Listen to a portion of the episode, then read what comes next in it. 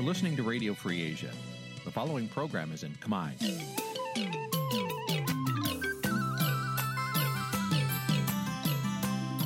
Nǐ chi càm bi tiệp xáy vệt chiu a zì sê ray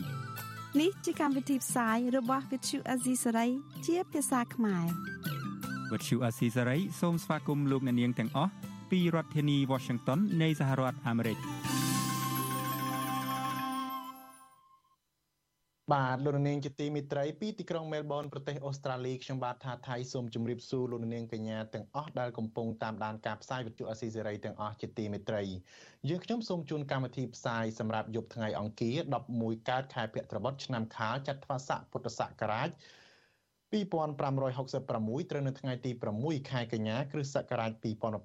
2022បាទជាដំបូងនេះសូមអញ្ជើញលោកនាងកញ្ញាស្ដាប់ព័ត៌មានប្រចាំថ្ងៃដែលមានមេត្តាដូចតទៅ ស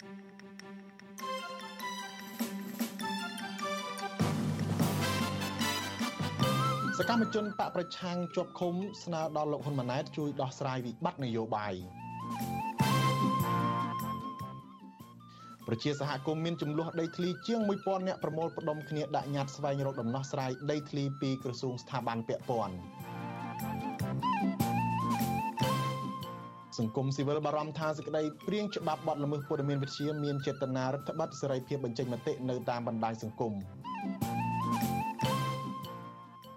វេទិកាអ្នកស្ដាប់វិទ្យុអាស៊ីសេរីយប់នេះយើងនឹងជជែកពីការប្រមូលចំណូលជាតិតាមរយៈការបើកបនលបែងលូតូឬលបែងផ្សងសំណាងតើតើផ្ដល់ផលអាក្រក់អ្វីខ្លះដល់សង្គមរួមនឹងព័ត៌មានសំខាន់សំខាន់មួយចំនួនទៀតបាទជាបន្តទៅនេះខ្ញុំបាទថាថៃសូមជូនព័ត៌មានពិស្ដាដូចតទៅ បាទតកតងនឹងរឿងនយោបាយសកម្មជនបកប្រឆាំងកំពុងជាប់ឃុំនៅពន្ធនាគារព្រៃសរស្នើដល់លោកហ៊ុនម៉ាណែតដែលជាបេក្ខជនអនាគតនាយករដ្ឋមន្ត្រីរបស់គណៈបកកណ្ដាលអំណាចជួយដោះស្រាយវិបត្តិនយោបាយដើម្បីឲ្យមានការប្រកួតប្រជែងការបោះឆ្នោតដោយស្មើភាព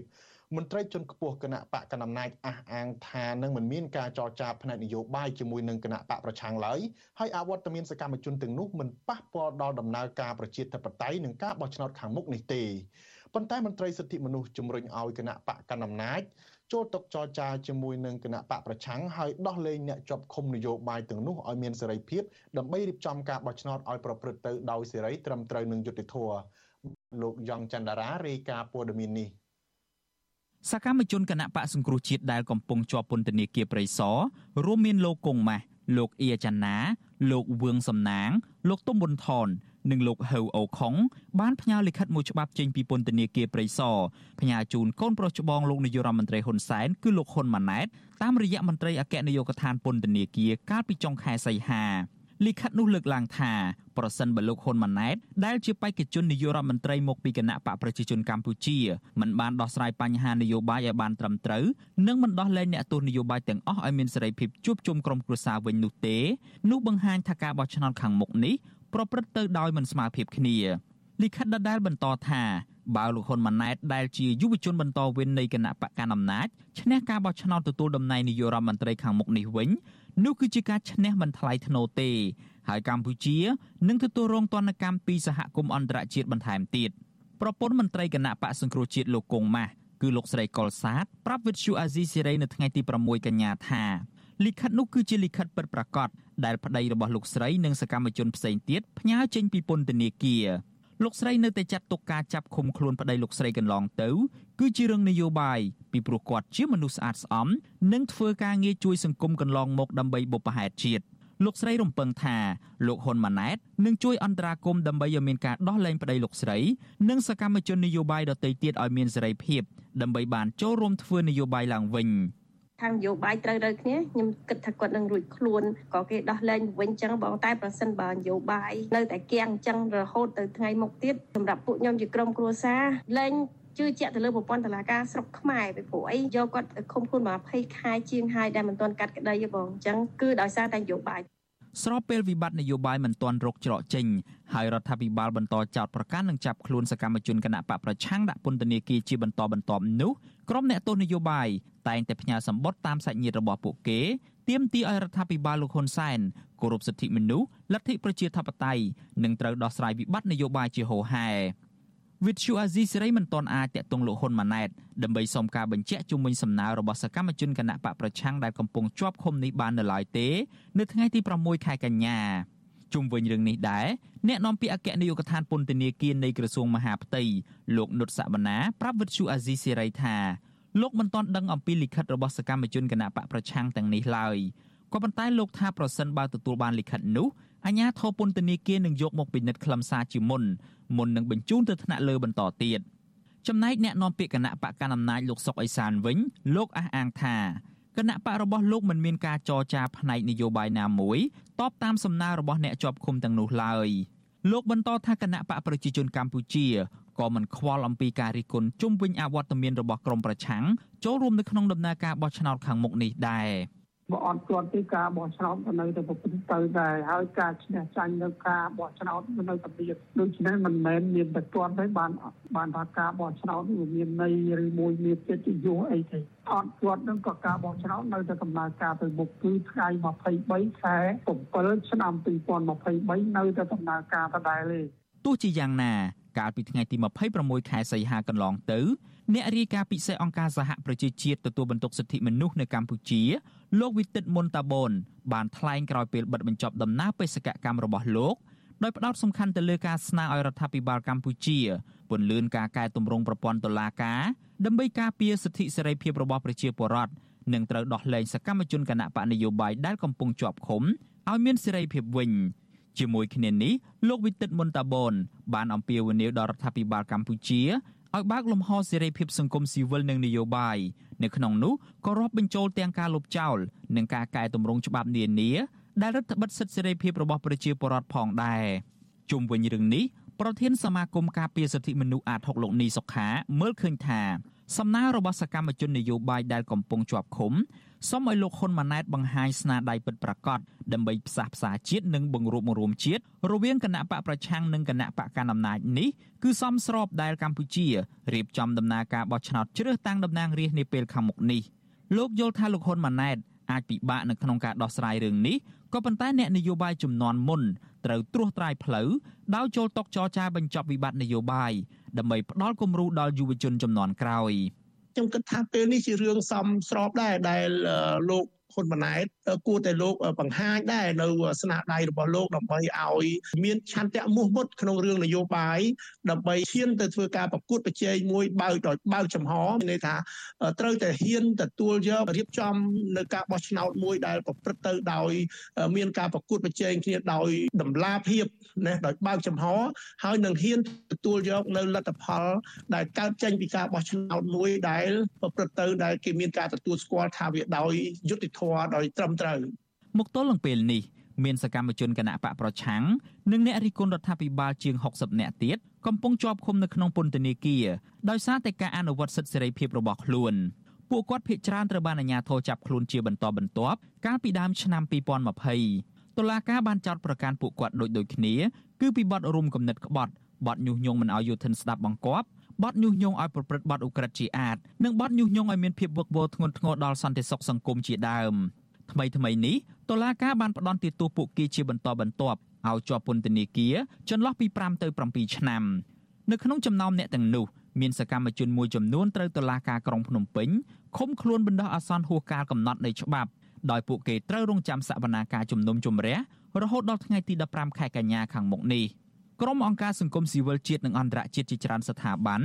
រួមទាំងទីភ្នាក់ងារអង្គការសហប្រជាជាតិនិងក្រមប្រទេសប្រជាធិបតេយ្យធំធំផងបានថ្កោលទោសជាបន្តបន្ទាប់ចំពោះរដ្ឋាភិបាលលោកហ៊ុនសែនដោយចាត់ទុកថាការចាប់ខ្លួនទាំងនេះគឺជារឿងនយោបាយនិងគ្មានមូលដ្ឋានច្បាប់ពួកគេបន្តទាមទារឲ្យរដ្ឋាភិបាលដោះលែងអ្នកជាប់ឃុំទាំងនោះឲ្យមានសេរីភាពឡើងវិញដោយឥតលក្ខខណ្ឌខ្ញុំយ៉ងច័ន្ទដារាវិទ្យុអាស៊ីសេរីរាយការណ៍ពីរដ្ឋធានី Washington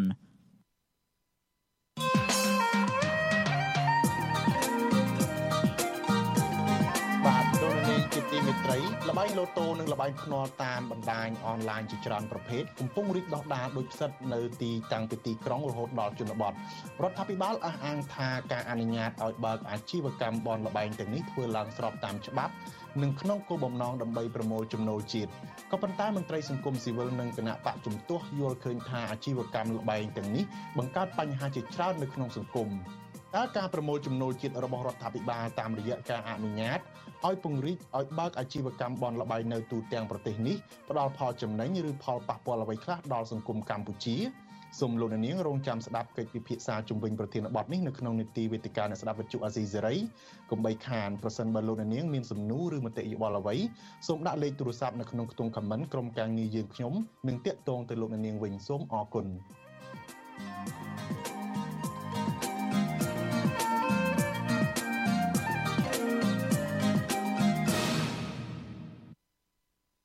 បាទលោកនាងជាទីមេត្រីតកតងនឹងរឿងនយោបាយវិញគណៈបកនយោបាយក្រៅរដ្ឋាភិបាលចំនួន4ក្រងដាក់លិខិតទៅរដ្ឋសភាជាថ្មីម្ដងទៀតនៅសប្តាហ៍នេះស្នើជជែកពីការកែលម្អប្រព័ន្ធបោះឆ្នោតនិងសេរីភាពនយោបាយនៅកម្ពុជាទោះជាយ៉ាងណាមន្ត្រីរដ្ឋសភាលើកឡើងថារដ្ឋសភាអាចជជែកជាមួយតែគណៈបកមានអាសនៈនៅក្នុងសភាតែប៉ុណ្ណោះប៉ុន្តែមន្ត្រីសង្គមស៊ីវិលលើកឡើងថាគណៈបកទាំងនេះ ទទួលបានការបោះឆ្នោតគ្រប់គ្រងពីប្រជាពលរដ្ឋរាប់សែននាក់ដែលរដ្ឋសភាគូស្ដាប់មតិយោបល់របស់គណៈបកនេះខ្លះដែរបាទលោកមានរិទ្ធរាយការណ៍ព័ត៌មាននេះគណៈបាននយោបាយ4ក្រៅរដ្ឋាភិបាល លើកឡើងថាដើម្បីឲ្យការបោះឆ្នោតជាតិឆ្នាំ2023ខាងមុខនេះមានភាពសេរីត្រឹមត្រូវនឹងយុត្តិធម៌ចាំបាច់ត្រូវតែកែលម្អប្រព័ន្ធបោះឆ្នោត និងសេរីភាពនយោបាយជាមុនសិន ពួកគេលើកឡើងថាតួអង្គសំខាន់សំខាន់ដើម្បីដោះស្រាយបញ្ហានេះគឺរដ្ឋាភិបាលរដ្ឋសភានិងគណៈកម្មាធិការជាតិរៀបចំការបោះឆ្នោតអនុប្រធានគណៈបកភ្លើងទៀនលោកជេបកំអៀងឲ្យវិសុយស៊ីស្រីដឹងនៅថ្ងៃទី6ខែកញ្ញាថាគណៈបកទាំង4បានធ្វើលិខិតរួចរាល់ហើយគឺនៅតែរងចាំមេដឹកនាំគណៈបកទាំងនោះចុះហត្ថលេខាតែប៉ុណ្ណោះលោកថាគណៈបកទាំង4នឹងដាក់លិខិតនេះទៅរដ្ឋសភានៅក្នុងសប្តាហ៍នេះ លោកជេបកំអៀងឲ្យដឹងទៀតថាខ្លឹមសារនៃលិខិតនេះគឺជាការទាមទារឲ្យកែលម្អប្រព័ន្ធបោះឆ្នោតនិងសេរីភាពនយោបាយនៅកម្ពុជាពលគឺដូចគ្នាទៅនឹងខ្លឹមសារលិខិតកាលពីលើកមុនដែលរដ្ឋសភាបដិសេធមិនព្រមទទួលដែរក៏ប៉ុន្តែគ្រាន់តែជាការកែតម្រូវឲ្យត្រូវតាមបែបផែនរដ្ឋបាលនៃការទៀមទារបស់រដ្ឋសភា ជាការព្រឹកស្ដើមរបស់គណៈបកសង្គមសូមជួបដើម្បីឲ្យរដ្ឋសភាធ្វើយ៉ាងណាកំណែតម្រង់ពលរដ្ឋឆ្នោតកម្ពុជាឲ្យបានប្រសើរហើយដើម្បីបោះឆ្នោតនៅឆ្នាំ2023ក៏ដូចអាណត្តិ2027បន្តបន្តទៀតឲ្យមានភាពជាឆ្លត់ត្រឹមត្រូវដើម្បីឲ្យប្រជាពលរដ្ឋទាំងអស់គាត់ទទួលយកបានអស់គ្នាពីពីពាក់ព័ន្ធទាំងពីពីគណៈបករដ្ឋាភិបាលនិងពីពីគណៈបកចេះឆ្នោតគណៈបកអរិញកាន់ណានេះទទួលយកបានទាំងអស់គ្នាបាទ អ្វីដែលគណៈបកទាំង4ចង់បានពីការទៀមទានេះគឺឲ្យមានការបោះឆ្នោតមួយដែលគ្រប់ភាគីអាចទទួលយកបានទាំងអស់គ្នាដោយអ្នកឈ្នះគឺឈ្នះដោយកិត្តិយសចំណែកឯអ្នកចាញ់វិញគឺចាញ់ដោយអស់ចិត្តតើតើនឹងរឿងនេះ Visual C ស្រីមិនទាន់អាចសុំការបំភ្លឺពីតំណាងគណៈបណ្ឌនយោបាយ3ទៀតគឺប្រធានគណៈបកប្រជាធិបតេយ្យមូលដ្ឋានលោកយេងវិរៈ ប្រធានគណៈបកឆន្ទៈខ្មែរលោកគង់មនីកានិងអនុប្រធានគណៈបកកែតម្រង់កម្ពុជា លោកអ៊ូច័ន្ទរតបាននៅឡើយទេនៅថ្ងៃទី6ខែកញ្ញាទូយ៉ាងណាអគ្គលេខាធិការនៃរដ្ឋសភាលោកលេងពេញឡុងលើកឡើងថាសំណើដែលគណៈបកទាំង4បានស្នើការពីពេលកន្លងទៅ ជាជំនួបមិនបានការព្រោះលោកថាគ្មានច្បាប់ណាមួយចែងថារដ្ឋសភាត្រូវជជែកជាមួយគណៈបកគ្មានសម្លេងនៅក្នុងសភានោះទេ លោកថាបើលើកនេះគណៈបកទាំង4ស្នើជួបក្នុងនាមជាប្រជាពលរដ្ឋគឺអាចទៅរួចក៏ប៉ុន្តែទាមទារឲ្យគណៈបកទាំងនោះធ្វើញត្តិដាក់មករដ្ឋសភាហើយក្រុមការងាររដ្ឋសភានឹងចេញមកទទួលនិងដោះស្រាយតាមនីតិវិធី បាទបាទបាទដាក់អីដាក់ទៅខ្ញុំអត់ដឹងប៉ុន្តែដាក់ដោយលើកមុនគឺចំនួននៅដដែលវាអត់មាននីតិវិធីឲ្យជួបនឹងជួបធ្វើអីអត់មានប្រយោជន៍ទេខ្ញុំនឹកទេគឺអញ្ចឹងបាទនិយាយរួមគឺថាគ្មាននីតិវិធីជួបវិភាសាជាមួយនឹងគណៈបកដែលគ្មានអាសនៈក្នុងរដ្ឋសភាទេគឺមានតែប៉ុណ្្នឹងទេបាទ ទោះបីជាមានការឆ្លើយតបបែបនេះពីមន្ត្រីជាន់ខ្ពស់រដ្ឋសភាយ៉ាងណាក៏ដោយក៏ប៉ុន្តែប្រធានអង្គការសម្ព័ន្ធភាពការពារសិទ្ធិមនុស្សកម្ពុជាហៅកាត់ថាច្រាក់លោករស់សុថាយល់ថាសំណើរបស់គណៈបកទាំង4ជាសំណើមានប្រយោជន៍ដែលរដ្ឋសភានិងស្ថាប័នផ្សេងទៀតគួរតែយកចិត្តទុកដាក់និងដោះស្រាយដើម្បីឲ្យការបោះឆ្នោតជាតិឆ្នាំ2023ខាងមុខនេះមានយុត្តិធម៌តម្លាភាពនិងអាចជឿទុកចិត្តបាន លោករស់ស្ថាបន្តថាទោះជាគណៈបកទាំង4នេះមិនទាន់មានសម្លេងនៅក្នុងរដ្ឋសភានៅក្នុងពេលនេះយ៉ាងណាក្តីក៏ប៉ុន្តែគណៈបកទាំងនេះគឺជាតួអង្គសំខាន់តំណាងឲ្យពលរដ្ឋម្ចាស់ឆ្នោតរាប់សែននាក់ ព្រោះថាក្រៅពីពួកពួកគាត់ជាជាតួអង្គសំខាន់មួយដែលត្រូវពុតវិជែកណាអញ្ចឹងគឺថាគណៈបញ្ញយោបាយនឹងគឺសំខាន់ណាស់តែត្រូវតែពិចារណានៅសំណូមពររបស់ពួកគាត់បាទហើយសំណូមពរអង្គទៅនោះវាមិនមានអីពុះហេតុទេណាជាសំណូមពរដែលមហាជនក៏ដូចជាអន្តរជាតិបានមើលឃើញចាំបាច់ត្រូវមានការកែលម្អបាទគណៈបកក្រៅរដ្ឋាភិបាលទាំង4ធ្លាប់បានដាក់លិខិតទៅរដ្ឋសភាក្រសួងមហាផ្ទៃនិងគណៈកម្មាធិការជាតិរៀបចំការបោះឆ្នោត ម្ដងរួចមកហើយកាលពីថ្ងៃទី31ខែសីហាកន្លងទៅក៏ប៉ុន្តែរដ្ឋសភាបដិសេធមិនទទួលយកលិខិតនោះទេដោយអះអាងថារដ្ឋសភាមិនជជែកជាមួយគណៈបណ្ឌនយោបាយដែលគ្មានកៅអីនៅក្នុងរដ្ឋសភានោះទេចំណែកឯក្រសួងមហាផ្ទៃនិងកោចបវិញ បានយល់ព្រមទទួលលិខិតនោះក៏ប៉ុន្តែស្ថាប័នទាំងពីរនេះមិនទាន់ឆ្លើយតបយ៉ាងណានៅឡើយទេ Visual C ស្រីមិនអាចសុំការឆ្លើយតបពីអ្នកនាំពាក្យក្រសួងមហាផ្ទៃលោកខៀវសុភ័ក្របាននៅឡើយទេនៅថ្ងៃទី6ខែកញ្ញារីឯអ្នកនាំពាក្យគណៈកម្មាធិការជាតិរៀបចំការបោះឆ្នោតលោកហងពធាឲ្យដឹងនៅថ្ងៃដដែលនេះថាពេលនេះគោចបមិនទាន់ឆ្លើយតបទៅគណៈបកទាំង4នៅឡើយទេព្រោះកំពុងស្ថិតនៅក្នុងនីតិវិធីនៃការពិនិត្យរបស់គោចប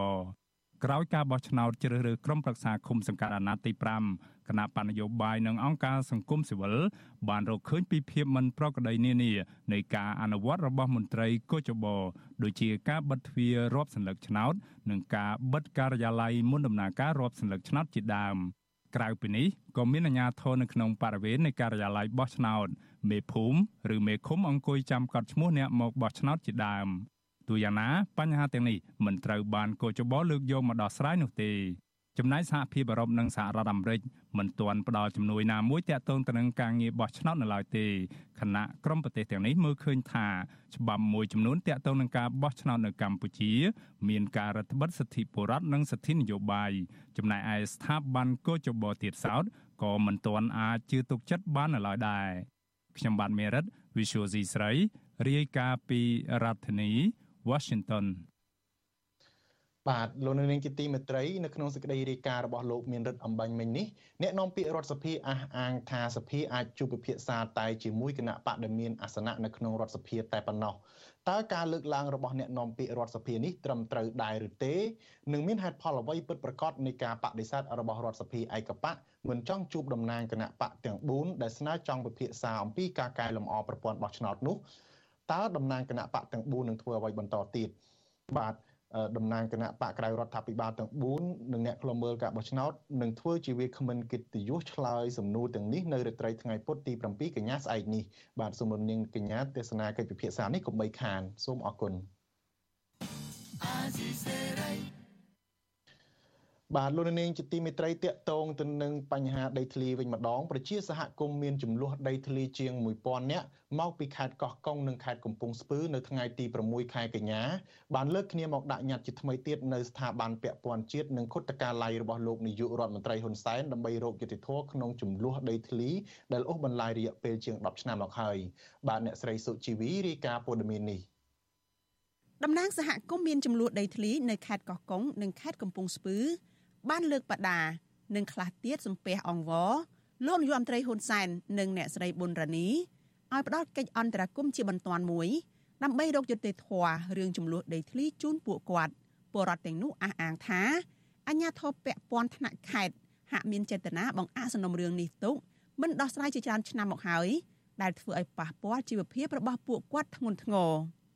ក្រមពលរដ្ឋជាង1000នាក់បានមកដាក់ញត្តិនៅក្រសួងយុតិធធម៌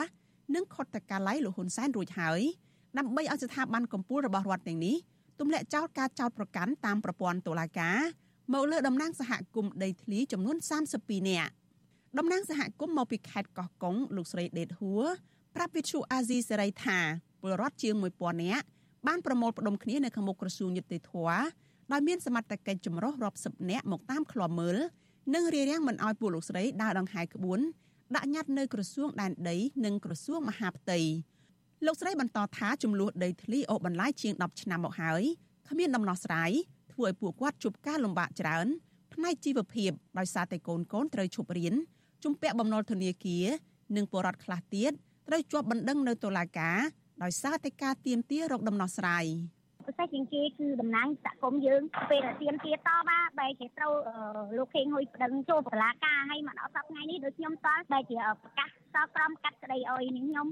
ចាក់ពន្ធនាគាររយៈពេល2ឆ្នាំនិងបង់ប្រាក់បណ្ណៃ2លានរៀលអញ្ចឹងអយុធធម៌ចំពោះសហគមន៍197ហើយក៏យើងកំពុងតែរងទុក្ខវេទនាបាត់បង់ប្រាក់ចំណូលខ្លាំងហើយប្រាក់ចំណូលធនាគារប៉ងអញ្ចឹងពួកយើងពិបាកខ្លាំងមែនទែនចា ក្រុមពលរដ្ឋជាង1000នាក់នោះមកពីសហគមន៍ជិត10សហគមន៍នៅក្នុងខេត្តកោះកុងនិងខេត្តកំពង់ស្ពឺរួមមានសហគមន៍ប្រលានយន្តហោះសហគមន៍843គ្រួសារសហគមន៍766គ្រួសារសហគមន៍197គ្រួសារសហគមន៍129គ្រួសារនិងសហគមន៍175គ្រួសារគិតត្រឹមរសៀលថ្ងៃដដែលនេះតំណាងពលរដ្ឋបានដាក់ញត្តិទៅពីស្ថាប័នប៉ុណ្ណោះ គឺទៅក្រសួងយុតិធធនិងខុទ្ទកាល័យរបស់លោកយមត្រីហ៊ុនសែនក្រុមពលរដ្ឋទាំងនោះបានប្រមូលផ្ដុំគ្នានៅខាងមុខក្រសួងយុតិធធអស់ជាច្រើនម៉ោងដោយខ្លះដេកតាមដងផ្លូវនិងអ្នកខ្លះទៀតកាន់បដាដែលមានរូបថតលោកហ៊ុនសែននិងអ្នកស្រីប៊ុនរ៉ានីសារនៅលើបដាទាំងនោះអំពាវនាវឲ្យលោកយមត្រីហ៊ុនសែនជួយអន្តរាគមន៍ផ្ដល់បានក្រីក្រជូនពលរដ្ឋមានចំនួនដីធ្លីដោយគ្មានការរើសអើងទម្លាក់ចោលការចោទប្រកាន់និងដោះលែងពលរដ្ឋមានចំនួនដីធ្លី បញ្ឈប់ការលាបពណ៌និងការរើសអើងពលរដ្ឋមានចំនួនដីធ្លី និងបញ្ឈប់ការយកប្រព័ន្ធតុលាការចោទប្រកាន់និងចាប់ខ្លួនពលរដ្ឋដែលមានចំនួនដីធ្លីជាដើមតំណាងសហគមន៍ដីធ្លីប្រលានយន្តហោះខេត្តកោះកុងលោកស្រីភៀបតេងបានលើកឡើងពីភាពអយុត្តិធម៌ជាច្រើន ដែលអាជ្ញាធរនិងអ្នកមានអំណាចប្រើប្រព័ន្ធតុលាការធ្វើបាបពលរដ្ឋមានចំនួនដីធ្លីលោកស្រីស្នើឲ្យលោកហ៊ុនសែនចេញបទបញ្ជាជាបន្ទាន់មួយ ដោះស្រាយបញ្ហាប្រឈមជូនពួកគាត់ហើយប្រសិនបើបញ្ហានេះអូបន្លាយតទៅទៀតគឺនឹងប៉ះពាល់ជីវភាពរបស់ពួកគាត់កាន់តែធ្ងន់ធ្ងរក្នុងការដោះស្រាយជូនសហគមន៍នាងខ្ញុំហើយនឹងក្នុងស្ថាប័នកាត់កោះកុងទាំងអស់ដែលអ្នករងគ្រោះបញ្ហាដីនេះជាមួយកោះកុងស៊ូហ្គើនិងកោះកុងផ្លេសទីសិនរបស់អង្គការលីងខាត់មានតែសម្ដេចមួយទេដែលអាចជួយរកដំណោះស្រាយជូនកូនចៅដែលរងគ្រោះបញ្ហារឿងដីនេះក្រុមហ៊ុនអង្គការលីងខាត់វិទ្យុអាស៊ីសេរីមិនអាចតាក់ទងសុំការបំភ្លឺរឿងនេះ ពីប្រធានអង្គភិបអ្នកណែនាំពាក្យរដ្ឋាភិបាលលោកផៃស៊ីផាននិងអ្នកណែនាំពាក្យក្រសួងដែនដីលោកសេងលូតបាននៅឡើយទេ នៅថ្ងៃទី6ខែកញ្ញាដោយទូរស័ព្ទហៅចូលច្រើនដង តែគ្មានអ្នកលើកចំណែកអ្នកនាំពាក្យក្រសួងយុតិធធលោកចិនម៉ាលីននិងអ្នកនាំពាក្យក្រសួងមហាផ្ទៃលោកខៀវសុភ័ក្រក៏មិនអាចតាក់ទងសុំការបំភ្លឺបានដែរនៅថ្ងៃដដែលនេះប៉ុន្តែមន្ត្រីខុទ្ទកាល័យលោកនាយរដ្ឋមន្ត្រីហ៊ុនសែនគឺលោកគង់ចម្រើនថ្លែងប្រាប់ក្រុមពលរដ្ឋនៅពេលទទួលញត្តិថា លោកហេងហ៊ុយអះអាងថាខ្លួនក៏ជាជនរងគ្រោះដោយពលរដ្ឋក្រីក្ររំលោភយកដីរបស់លោកដែលមានប្លង់កម្មសិទ្ធិត្រឹមត្រូវជុំវិញរឿងនេះមន្ត្រីនាំពាក្យសមាគមការពារសិទ្ធិមនុស្សអាត6លោកសឹងសែនករណាសង្កេតឃើញថាចំនួនដីធ្លីទាំងនេះខ្វះការយកចិត្តទុកដាក់របស់អាជ្ញាធរថ្នាក់ក្រោមជាតិធ្វើពលរដ្ឋចំណាយធនធាននិងពេលវេលាដើរដាក់ញត្តិស្ទើរគ្រប់ស្ថាប័នជាច្រើនឆ្នាំមកហើយហេតុនេះលោកថាលោកហ៊ុនសែនគួរតែចេញបញ្ជាបន្ទាន់មួយ ដោះស្រាយចំនួនដីធ្លីនេះជូនប្រជាពលរដ្ឋឲ្យជ្រះស្រឡះដើម្បីសម្រាលការលំបាករបស់ប្រជាពលរដ្ឋជាពលរដ្ឋគាត់យល់ថាដំណោះស្រាយហ្នឹងគឺមានតែសម្ដេចនាយករដ្ឋមន្ត្រីដែលជាប្រមុខរដ្ឋាភិបាលទេអាចដោះស្រាយបានអញ្ចឹងហើយបានជាគាត់ទទូចឲ្យមានការចេញនៅសេចក្តីណែនាំឬក៏បទបញ្ជាណាមួយដើម្បីយកទៅថ្នាក់ក្រោមជាតិថ្នាក់ខេត្តហ្នឹងឲ្យអនុវត្តបើសិនជា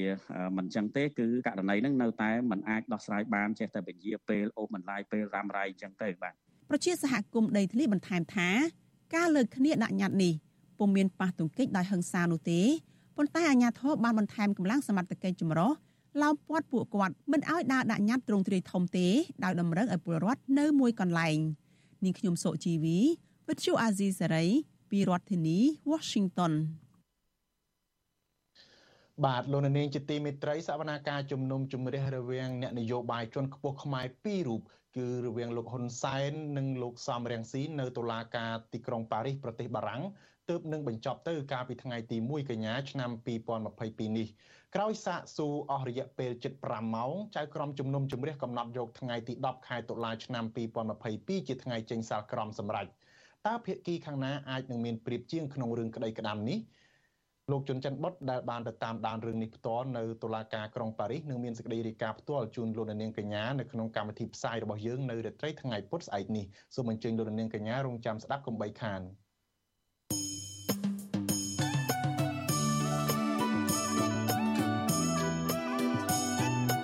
បាទលោកនាងជាទីមេត្រីក្នុងឱកាសនេះដែរខ្ញុំសូមថ្លែងអំណរគុណដល់លោកនាងកញ្ញាទាំងអស់តែងតែមានភក្ដីភាពចំពោះការផ្សាយរបស់យើង ហើយចាត់ទុកការស្ដាប់វិទ្យុអាស៊ីសេរីជាផ្នែកមួយនៃសកម្មភាពប្រចាំថ្ងៃរបស់លោកអ្នកនាងការគ្រប់គ្រងរបស់លោកអ្នកនាងនេះហើយដែលធ្វើឲ្យយើងខ្ញុំមានទឹកចិត្តកាន់តែខ្លាំងក្លាថែមទៀតក្នុងការស្វែងរកនិងផ្តល់ព័ត៌មានជូនលោកអ្នកនាងមានអ្នកស្ដាប់និងអ្នកទេសនាកាន់តែច្រើនកាន់តែធ្វើឲ្យយើងខ្ញុំមានភាពស្វាហាប់មោះមុតជាបន្តទៅទៀតយើងខ្ញុំសូមអរគុណទុកជាមុនហើយសូមអញ្ជើញលោកនាងកញ្ញាចូលរួមជំរុញសកម្មភាពផ្សាយព័ត៌មានរបស់យើងនេះកាន់តែជោគជ័យបន្ថែមទៀត លោកនាងអាចជួយយើងខ្ញុំបានដោយគ្រាន់តែចុចចែករំលែកឬ share ការផ្សាយរបស់យើងនៅលើបណ្ដាញសង្គម Facebook និង YouTube ទៅកាន់មិត្តភ័ក្តិដើម្បីឲ្យការផ្សាយរបស់យើងទៅដល់មនុស្សកាន់តែច្រើន សូមអរគុណ thank you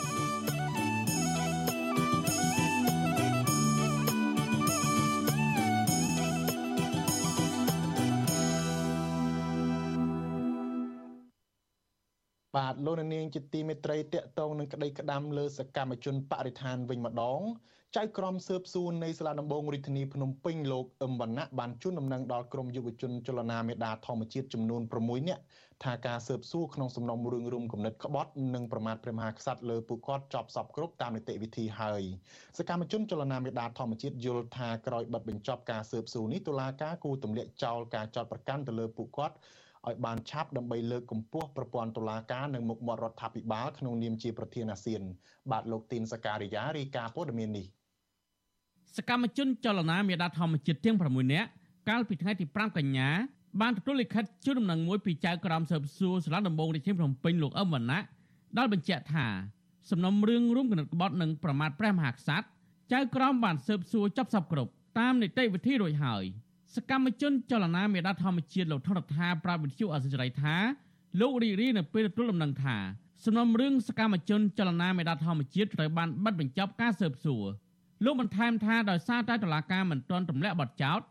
រួមគណិតក្បត់និងប្រមាថព្រះមហាក្សត្រសមាជិកចលនាមេដាធម្មជាតិខ្លះជួបការលំបាកខ្លាំងក្នុងការស្វែងរកការងារថ្មីឬក៏ចូលរួមសហការជាមួយស្ថាប័នដៃគូផ្សេងផ្សេងហើយមានអ្នកខ្លះ ពិបាកទទួលបានប្រាក់កម្ចីពីស្ថាប័នផ្ដល់កម្ចីដើម្បីធ្វើអាជីវកម្មផ្ទាល់ខ្លួនផងដែរតែទៅនឹងបញ្ហានេះលោកធនរដ្ឋាស្នើអរដ្ឋាភិបាលគួរទម្លាក់បាត់ចោលប្រកាន់ទាំងអស់មកលើសកម្មជនចលនាមេដាធម្មជាតិដើម្បីស្ដារមុខមាត់រដ្ឋាភិបាលឡើងវិញមុនដឹកនាំកិច្ចប្រជុំកំពូលអាស៊ាននៅចុងឆ្នាំ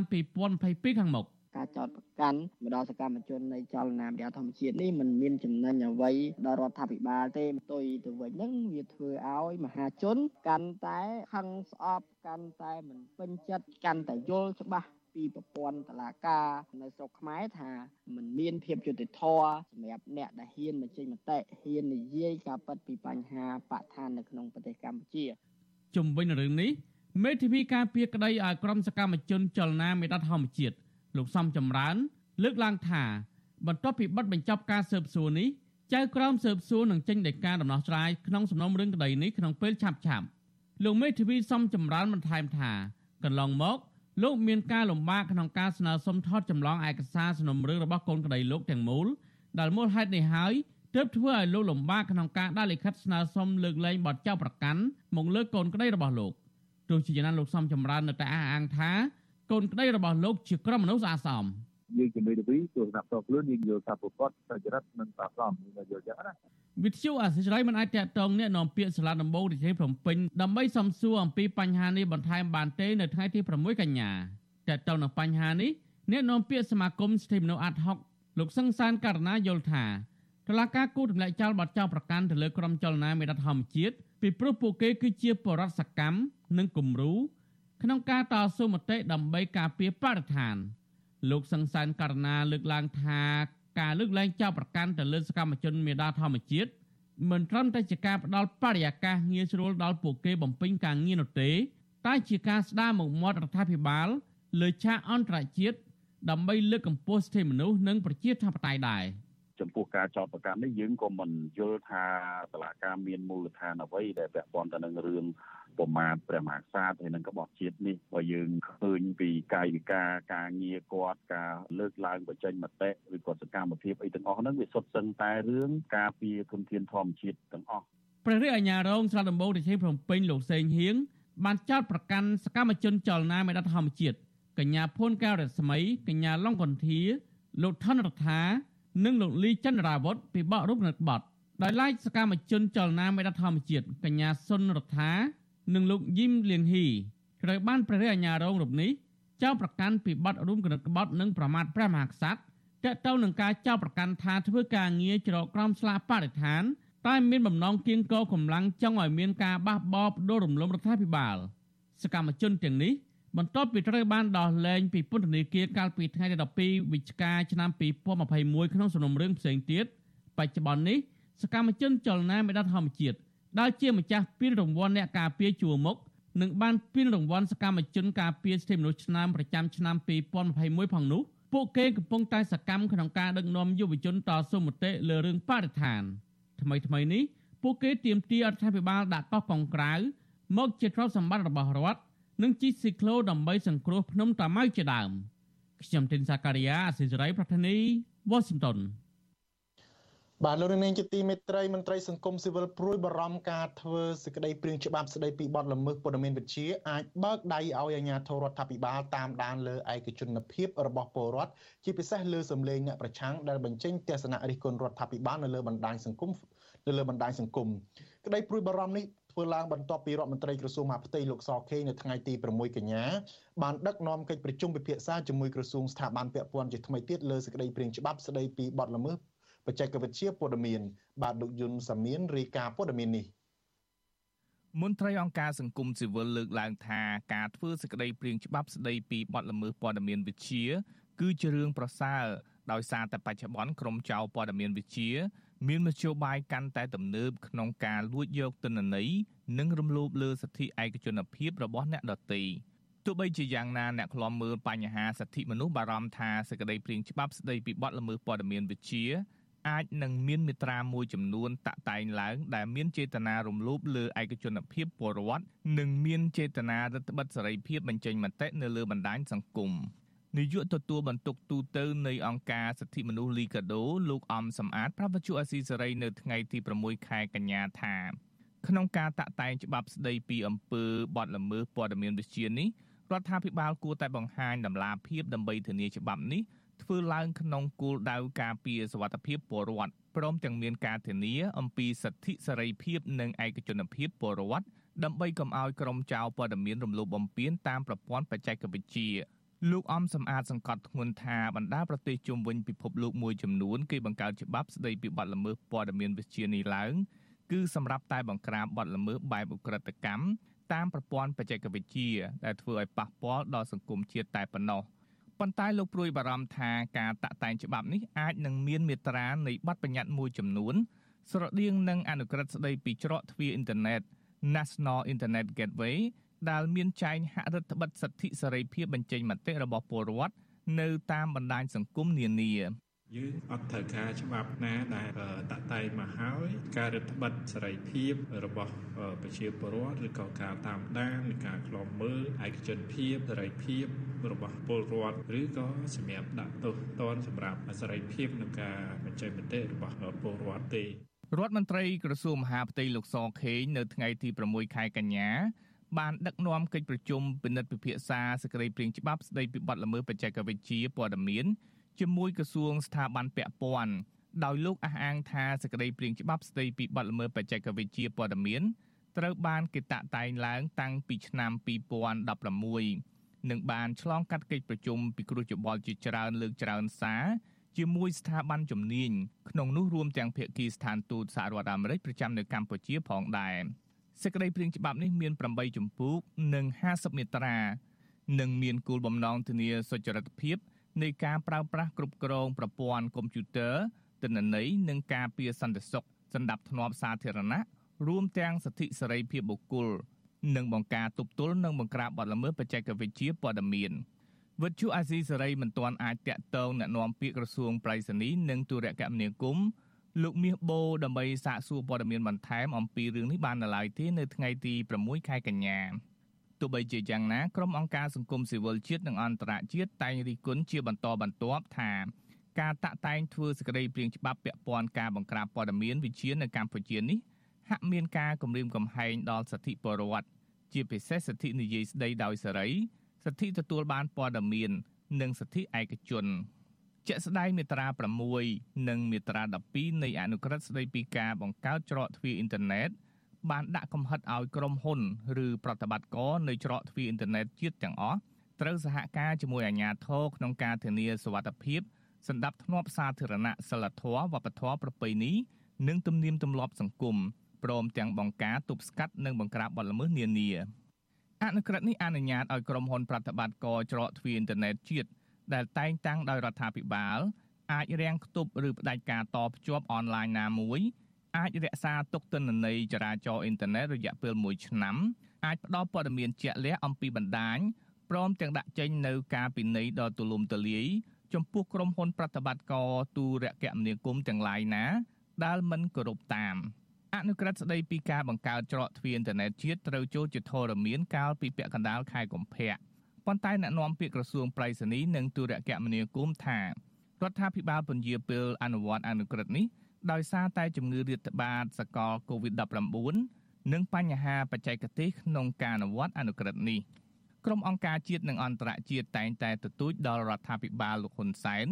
ចំពោះការតាក់តែងធ្វើច្បាប់ត្រូវតែធានាសេរីភាពជាមូលដ្ឋាន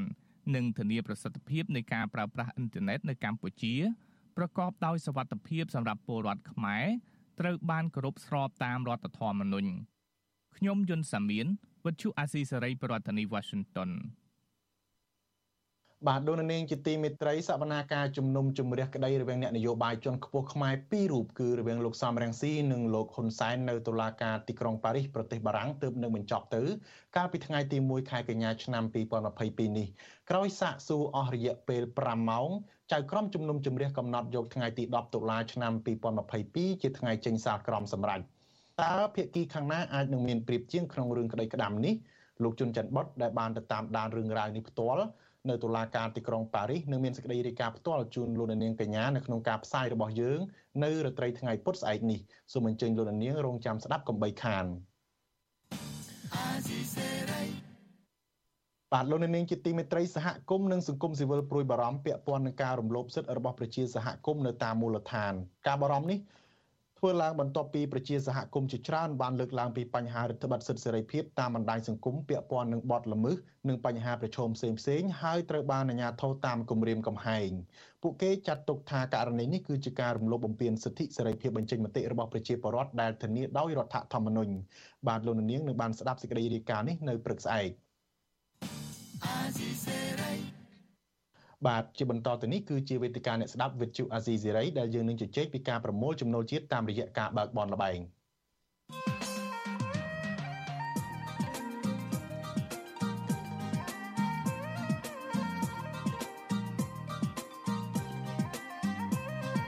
វេទិកាអ្នកស្ដាប់វិទ្យុអាស៊ីសេរី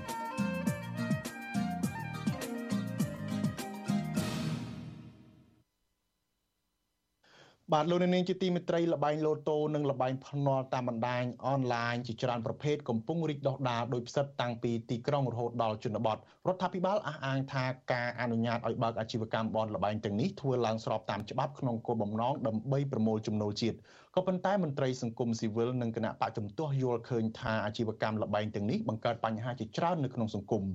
តើការប្រមូលចំណូលជាតិរបស់រដ្ឋាភិបាលតាមរយៈការអនុញ្ញាតឲ្យបើកអាជីវកម្មលបែងនៅទូទាំងប្រទេសនេះផ្ដល់ផលចំណេញឬប៉ះពាល់អ្វីខ្លះដល់សង្គមកម្ពុជាបាទ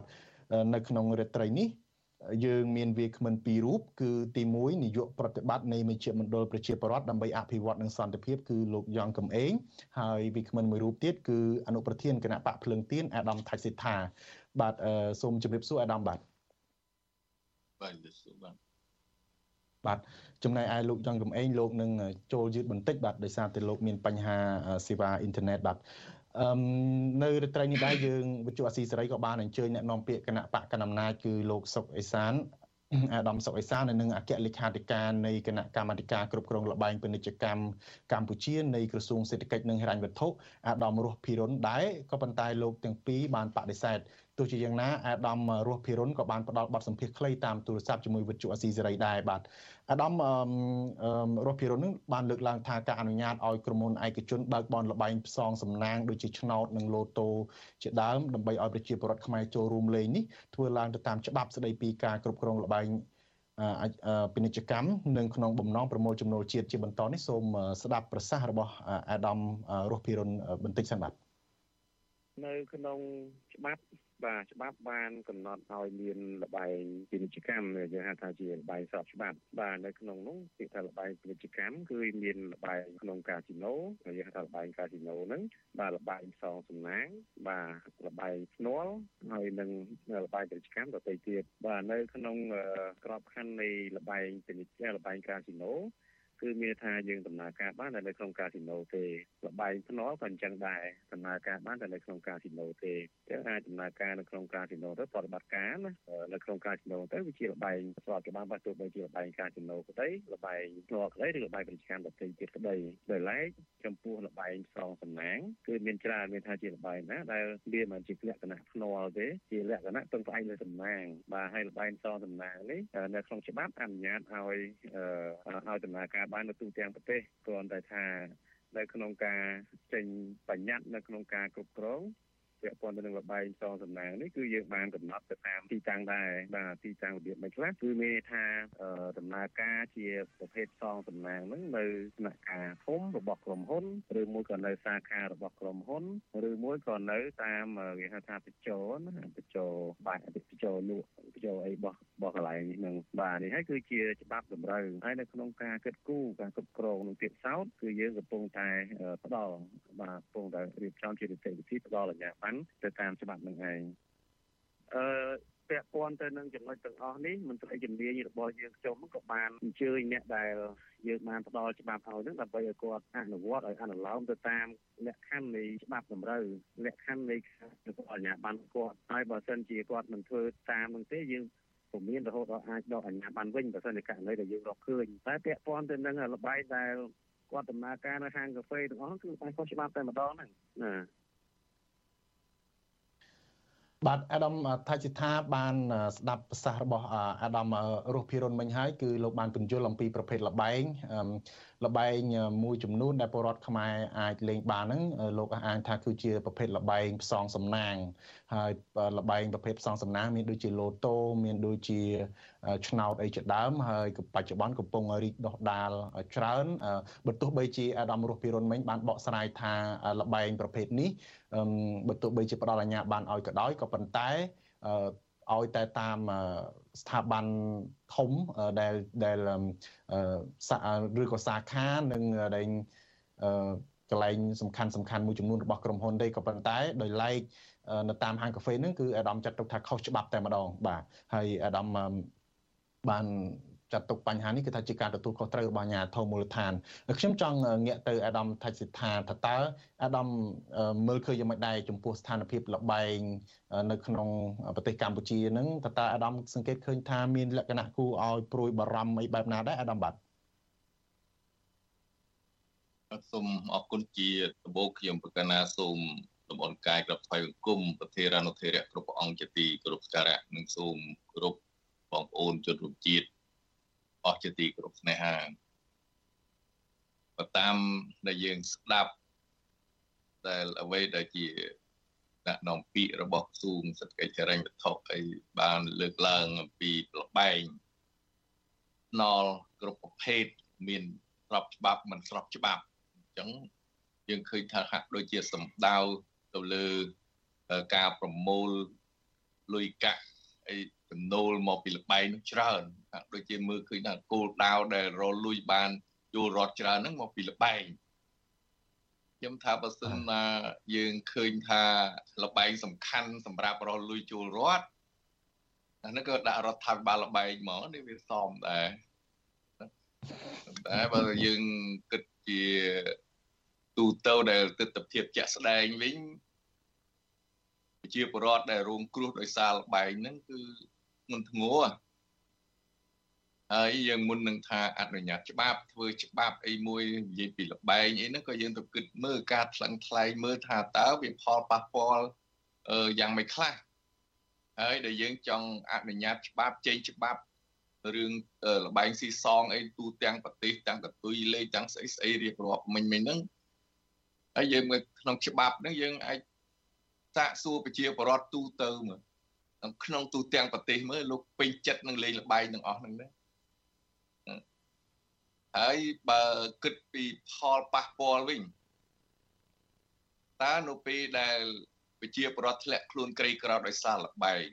សម្លាប់ខ្លួនជំពាក់បំណុលគេដោយសារលបែងតើអ្នកណាណាទទួលខុសត្រូវរដ្ឋឬមួយក៏តាមតែដំណើរហៅថាតាមតែយថាកម្មទៅ ចឹងខ្ញុំយល់ឃើញថាมันគួរឲ្យមានទេរឿងលបែងស៊ីសងដែលធ្វើចង់ឲ្យមានស្របច្បាប់នៅទូទាំងប្រទេសនេះគឺជាការបង្ហៅថាធ្វើឲ្យប្រទេសជាតិនិងប្រជាពលរដ្ឋកាន់តែមានការលំបាកជួបការលំបាកកាន់តែធ្ងន់ធ្ងរហើយនឹងអាចឈានទៅដល់មានការលះលែងគ្នាឆ្លោះប្រកែកគ្នា គ្រួសារប្តីប្រពន្ធឬក៏បងប្អូនឬមួយក៏ ក្នុងគ្រួសារនីមួយៗដោយសារអ្នកខ្លះក៏អត់ចូលចិត្តលបែងអ្នកខ្លះចូលចិត្តលបែងអីចឹងទៅអញ្ចឹងវាអាចបង្កទំនាស់នៅក្នុងគ្រួសារនេះខ្លាំងណាស់អញ្ចឹងយើងឃើញថាលបែងមិនមែនជាគោលដៅសំខាន់សម្រាប់ប្រមូលថវិកាចូលរដ្ឋចូលជាតិទេខ្ញុំថាខ្ញុំមើលឃើញអឺមានមធ្យោបាយជាច្រើននៅក្នុងប្រទេសកម្ពុជាដែលយើងអាចរក ចំណូលចូលជាតិយើងបាននោះមិនមែនលបែងនឹងសំខាន់រហូតយកលុយកាក់នឹងមកធ្វើជាអឺមូលដ្ឋានសម្រាប់រលុយចូលបរដ្ឋអីហ្នឹងខ្ញុំគិតថាវាมันអាចចឹងបានទេយ៉ាងណាហើយបើយើងពីផលប៉ះពាល់ដូចខ្ញុំជម្រាបខាងដើមហ្នឹងធ្ងន់ធ្ងរយើងបើប្រៀបធៀបនឹងពីលបែងអឺការខាត់បងឬក៏ប៉ះពាល់ផលប្រយោជន៍ដល់ប្រជាពលរដ្ឋ ហើយជាមួយនឹងចំណេញចូលរដ្ឋហ្នឹងយើងធ្វើមើលវាមានតុល្យភាពទេដែលដែលទេបើសិនណាមានហានិភ័យណាកើតឡើងចំពោះប្រជាពលរដ្ឋដោយសារតែលបែងហ្នឹងតែចំណូលហ្នឹងវាអាចមានតុល្យភាពសម្រាប់ជនរងគ្រោះទាំងអស់នោះទេអញ្ចឹងហើយខ្ញុំថាมันគួរឲ្យមានដល់ប៉ុណ្្នឹងទេសូម្បីតែច្បាប់កន្លងមកយើងនិយាយពីដូចជាកាស៊ីណូអីហ្នឹងនិយាយពីថាมันឲ្យមាន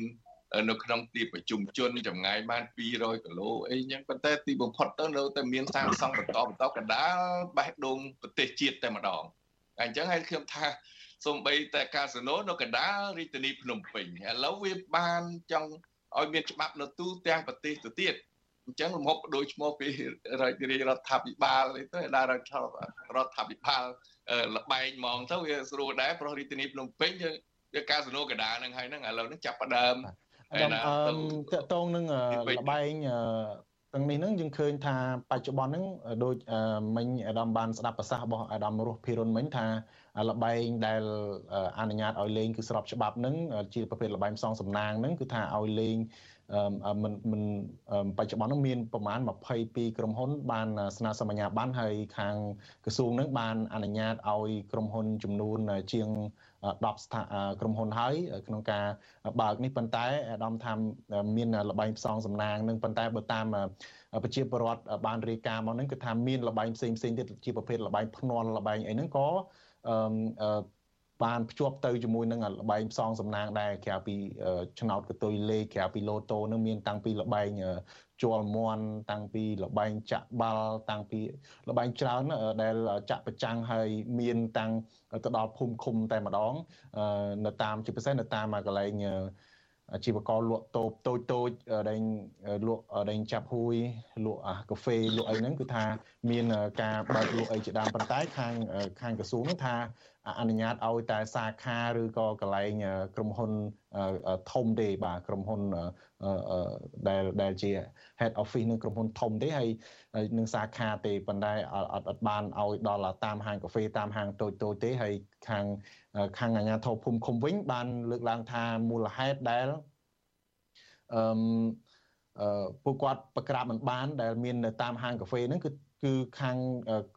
ដែលអ្នករកស៊ីទាំងអស់ហ្នឹងគឺអះអាងថាបានសុំអនុញ្ញាតមានអនុញ្ញាតបានត្រឹមត្រូវពីខាងរដ្ឋាភិបាលដូច្នេះអាជ្ញាធរមូលដ្ឋានហ្នឹងគឺថារុញថាមិនអាចដោះស្រាយបាននេះគឺមកពីខាងរដ្ឋាភិបាលជាអ្នកអនុញ្ញាតហើយខាងលើនេះថាអានឹងគឺជាការទូលខុសត្រូវរបស់ ខាងអាជ្ញាធរមូលដ្ឋានឲ្យប្រក្រាបតើតើអាដាមយល់ឃើញយ៉ាងម៉េចដែរចំពោះការរុញដាក់គ្នាដែលបបច្ចុប្បន្ននេះយើងឃើញថាលបែងទាំងអស់នេះបានរៀលដាលរីកសាយភាយទៅដល់ជនបទប៉ុន្តែអាជ្ញាធរហាក់ដូចជាអត់បានដឹងពីរឿងនេះហើយយើងឃើញថាមានការចូលរួមលេងច្រើនណាស់ដោយអាដាមមានការបារម្ភមិញថានៅពេលដែលកើតឡើងនេះគឺថាប៉ះពាល់រហូតដល់ប្រជាពលរដ្ឋខ្លះអាចជាពាក្យបំណុលអាចសម្លាប់ខ្លួនអំពើហិង្សាអីមានបញ្ហាអសន្តិសុខនៅក្នុងសង្គមអីជាដើមបាទ តើអាដាមយល់ឃើញមិនដែរដែលបច្ចុប្បន្នរដ្ឋាភិបាលថាធ្វើឡើងទៅតាមច្បាប់ប៉ុន្តែគ្រប់គ្រងអត់បានបាទកាលណានៅស្រុកខ្មែរយើងកាលណាយើងនិយាយពីច្បាប់នៅលើទៅបបោមាត់ទេឥឡូវខ្ញុំលើកទីហោឬលបែងចាក់ស្ដែងទៅមិនបាច់ចាំថាលបែងតូចតាចសំបីទៅលបែងលបែងកម្រិតមួយដ៏ធំកណ្ដាលរាជធានីភ្នំពេញទេគ្រាន់តែមានបញ្ហារវាងកម្មបុគ្គលិករបស់ក្រុមហ៊ុន លបែងដូច Nagawol អញ្ចឹងរដ្ឋអានឹងច្បាប់មានមិនតាំងដោះស្រាយផងហ្នឹងហើយនិយាយពីគោរពច្បាប់យ៉ាងម៉េចអាហ្នឹងវាអត់មានកន្លែងថាអនុវត្តច្បាប់បានត្រឹមត្រូវអញ្ចឹងហើយយើងឃើញបារម្ភហ្នឹងគឺបារម្ភថាកាលណាបើចេញទៅហើយបែបការគ្រប់គ្រងអីហ្នឹងវាមិនអាចទៅរួចទេអញ្ចឹងវាវាអាចថានៅខាងក្រោមហ្នឹងដើរដើរធ្វើបាបទៅខាងតូចតាចប្រជាពលរដ្ឋលេងលបែកកប៉ិចកប៉ុកអីអញ្ចឹងទៅ ហើយពីលើហ្នឹងក៏ចោះទៅសង្កេតប្រកាសបន្តទៅទៀតទៅអញ្ចឹងខ្ញុំគិតថាវា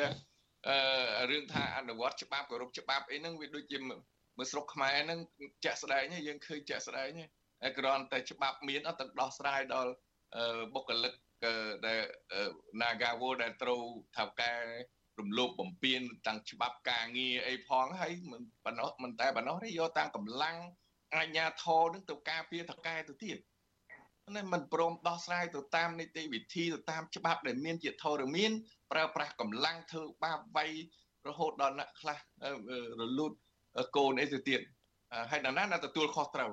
ហើយលើកទៅដាក់បន្ទោសចោះបន្ទោសឡើងអាហ្នឹងខ្ញុំឃើញចាក់ស្ដែងអាហ្នឹងគ្រាន់តែមួយនៅកណ្ដាលទីរាជធានីភ្នំពេញហើយចោះបើសិនណាកើតបកហៅថាឲ្យមាននៅទូទាំងប្រទេសខ្ញុំឃើញនៅបរទេសគេមានខ្លះដែរក៏តែដូចជា ផ្សងសំណាងអីនេះគេហៅថាអីឆ្នោតជាតិគេនោះមានតែរដ្ឋគេគ្រប់គ្រងតែម្ដងគេណាហើយដល់យើងនឹងវាមក4 10 20ក្រុមហ៊ុនហ្នឹងវាទៅជាអឺលបែងនេះជាអាជីវកម្មសម្រាប់រដ្ឋាភិបាលបាត់ហើយមិនមែនគិតគូរដល់ប្រជាពលរដ្ឋកុំអោយលេងលបែងស៊ីសងឬក៏ក្រាបបំអោយមានអំពើហឹង្សាឬក៏ឆក់ប្លន់អីហ្នឹង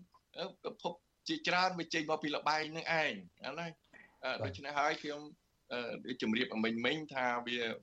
ប្រទេសយើងកំពុងតែស្ថិតក្នុងភាពក្រីក្រហើយមធ្យោបាយដែលយើងប្រមូលថវិកាសម្រាប់ជាតិវាមិនមែនគោលដៅសំខាន់ទៅលើ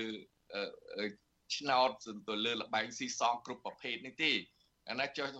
ពួកពុកលួយបំផ្លាញព្រៃឈើអីប្រពៀសប្រពេញទាំងអស់តាំងពី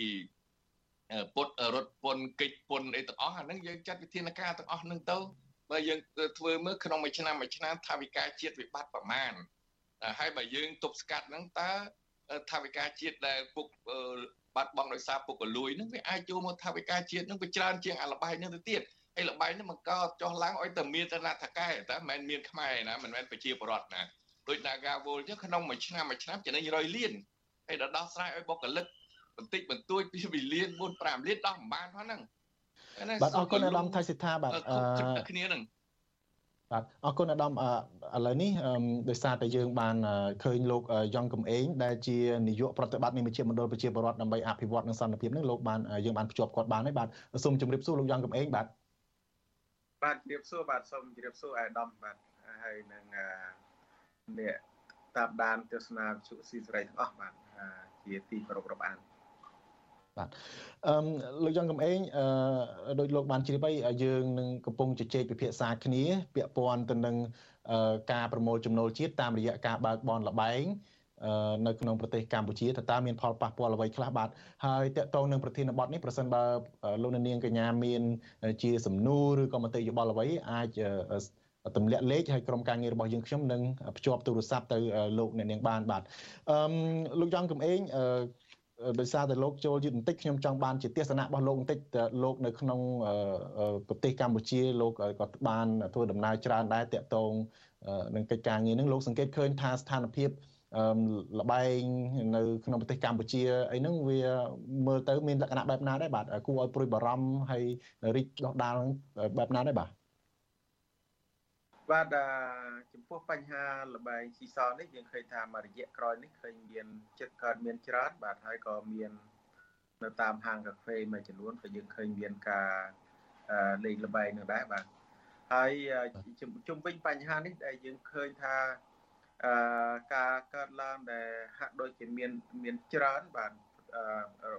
នាពេលបច្ចុប្បន្ននេះបើយើងធៀបទៅមុនមុនកូវីដបាទ ក្រោយកូវីដនេះគួរតែលបែងហ្នឹងគួរតែកាត់បន្ថយព្រោះដោយសារតែបញ្ហាសេដ្ឋកិច្ចបញ្ហាប្រជាពលរដ្ឋដែលទៅតែនឹងចាប់ផ្ដើមអាជីវកម្មអីខ្លះខ្លះសម្រាប់អឺត្រួតត្រងជីវភាពរស់នៅក៏ដូចជាសម្រាប់ការសំបំណុលអីផ្សេងផ្សេងបាទប៉ុន្តែបើសិនជាយើងបដ ாய் ឲ្យលបែងនេះកាន់តែរីកដុះដាលច្រើនបាទ ជាទូទៅ គឺវាបំផ្លាញផ្លិចបំផ្លាញទៅដល់ឫសគល់នៃសេដ្ឋកិច្ចជាពិសេសគឺប្រាក់ចំណូលរបស់ជាពលរដ្ឋនោះបាទប៉ុន្តែយើងបើសិនជាយើងធ្វើម៉េចក៏ឲ្យប្រជាពលរដ្ឋមានមុខរបររស់ស៊ីមានអាចទៅរកស៊ីទទួលទានអីផ្សេងផ្សេងបាទគឺគាត់យកអាលុយដែលគាត់រកបានហ្នឹងគាត់យកទៅទិញរបស់របរទិញនេះទិញនោះទៅគឺធ្វើឲ្យរដ្ឋនោះបានចំណូល VAT នឹងច្រើនបាទ ចឹងនេះជាជារឿងមួយចំណេញដល់ដល់រដ្ឋបាទប៉ុន្តែបើសិនជាអឺយើងសង្ឃឹមទៅលើលបែងរដ្ឋអាចបានចំណូលពីការលក់អាញាបានបាទប៉ុន្តែអ្នកដែលក្រីក្រជាប្រវត្តិហើយបើសិនជាជាប្រវត្តិក្រីក្រតើថ្ងៃក្រោយទៅរដ្ឋអាចមានបានទេបាទតើបើសិនជាអឺលបែងនៅបន្តទៀតហើយជីវភាពរបស់ជាប្រវត្តិលុយកាក់របស់គាត់នឹងត្រូវបានហិនហោចដោយសារលបែងហ្នឹងតើ អឺការរស់នៅរបស់គាត់ សម្រាប់អនាគតហើយនឹងអឺសេដ្ឋកិច្ចរបស់រដ្ឋនឹងអាចដើរទៅមុខរបៀបម៉េចបាទហើយយើងនិយាយអំពីការគោលនយោបាយនៅក្នុងការកាត់បន្ថយភាពក្រីក្រយ៉ាងម៉េចបាទគោលនយោបាយក្នុងការកាត់បន្ថយភាពក្រីក្រនេះបាទសំខាន់បំផុតគឺធ្វើឲ្យប្រជាពលរដ្ឋមានមុខរបរបាទហើយ ត្រូវកាត់បន្ថយលបែងស៊ីសងឲ្យបាយមុខទាំងឡាយហ្នឹងអឺស្រាការផឹកស្រាការអីហ្នឹងបាទហោហែហ្នឹងគឺដើម្បីឲ្យគាត់ចេះសន្សំចៃចេះទុកដាក់ប្រាក់ចំណូលបានត្រឹមត្រូវអានឹងជារឿងមួយសំខាន់ដែលអឺដែលជំរុញទៅដល់សេដ្ឋកិច្ចដែលជំរុញទៅដល់ការកាត់បន្ថយភាពក្រីក្រគោលនយោបាយកាត់បន្ថយភាពក្រីក្ររបស់រដ្ឋក៏ដូចជាការពង្រឹងនៅ គោលនយោបាយភូមិឃុំមានសម្បត្តិមានសម្បត្តិភាពដែលរដ្ឋាភិបាលបានដាក់ចេញហ្នឹងខ្ញុំថាហ្នឹងគឺរឿងសំខាន់ណាស់បាទបើសិនជាបញ្ហាលបែងនេះនៅតែជាកើតមានជាបន្តបន្ទាប់ហើយរដ្ឋនៅតែផ្ដល់អាជ្ញាប័ណ្ណឲ្យកាន់តែច្រើនថែមទៀតបាទពេលនោះគឺយើងនឹងបញ្ហាសង្គមវានឹងកើតឡើងច្រើនហើយអាជ្ញាធរមិនបាច់ចាំដោះស្រាយដោះស្រាយតែ បញ្ហាអ្នកដែលផលដែលទទួលផលប៉ះពាល់ដោយសារតែលបែងហ្នឹងបាទអាចហឹង្សាក្នុងគ្រួសារអាចឆ្លោះប្រកែកគ្នាកន្លែងអឺលបែងហ្នឹងអាចវាយតបគ្នាអាចលួចអាចប្លន់បាទអញ្ចឹងជុំវិញបញ្ហានេះដែលជាកត្តាប្រឈមធំហើយដែលកន្លងមកក៏យើងឃើញមានការឆក់ការលួចអីមានការ កាត់ឡើងនៅតំបន់ខ្លះដែលជាការព្រួយបារម្ភដែរបាទអញ្ចឹងបាទអឺរឿងដែលសំខាន់គឺរដ្ឋាភិបាលត្រូវតែពិចារណាឡើងវិញជំវិញការផ្ដល់អាជ្ញាប័ណ្ណនេះបាទបាទអឺតកតងនឹងរឿងនេះដែរគឺថាអាដាមរស់ភិរុនដែលជាអឺ មន្ត្រីជាន់ខ្ពស់របស់ក្រសួងសេដ្ឋកិច្ចនិងហិរញ្ញវត្ថុដែលមានទូនាទីជាអគ្គលេខាធិការនៃគណៈកម្មការគ្រប់គ្រងលបែងពាណិជ្ជកម្មនឹងលោកបានមានប្រសាសន៍ថាការព្រួយបារម្ភនេះមកពីមិនយល់អំពីច្បាប់លោកថាលបែងផ្សងសំណាងដែលចាត់ទុកថាជាលបែងស្របច្បាប់នឹងគឺថាអត់ប៉ះពាល់អ្វីទេដូច្នេះសូមស្ដាប់ប្រសាសន៍របស់លោកត្រង់ចំណុចនេះបាទ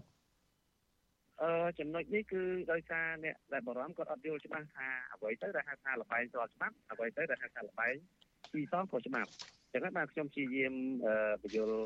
បាទអ្នកសារព័ត៌មានគាត់បានយល់ថាលបែងស្របច្បាប់គឺលបែងណាដែលផ្ដល់បាទដែលដែលគណៈកម្មការគ្រប់គ្រងលបែងពាណិជ្ជកម្មកម្ពុជាផ្ដល់អាជ្ញាប័ណ្ណជូនបាទហើយកំណត់ទៅតាមលក្ខខណ្ឌនៃច្បាប់បាទប៉ុន្តែបើសិនករណីដែលថាយើងអត់មានបានផ្ដល់អាជ្ញាប័ណ្ណជូនគាត់គឺអត់ជារបាយស៊ីសងខុសច្បាប់ហើយហ្នឹងបាទបាទហើយនៅក្នុងបាននៅក្នុងក្របខ័ណ្ឌនៃ នៃរបាយស៊ីសងខុសច្បាប់គឺត្រូវអនុវត្តទៅតាមច្បាប់អេឌីកាបង្កើតរបាយស៊ីសងខុសច្បាប់បាទគឺតែម្ដងអញ្ចឹងហើយវាអត់មានប៉ះពាល់មកដល់របាយស្របច្បាប់ទេហើយបើនិយាយថារបាយស្របច្បាប់ធ្វើប៉ះពាល់សង្គមវាមិនមិនមានទេហ្នឹង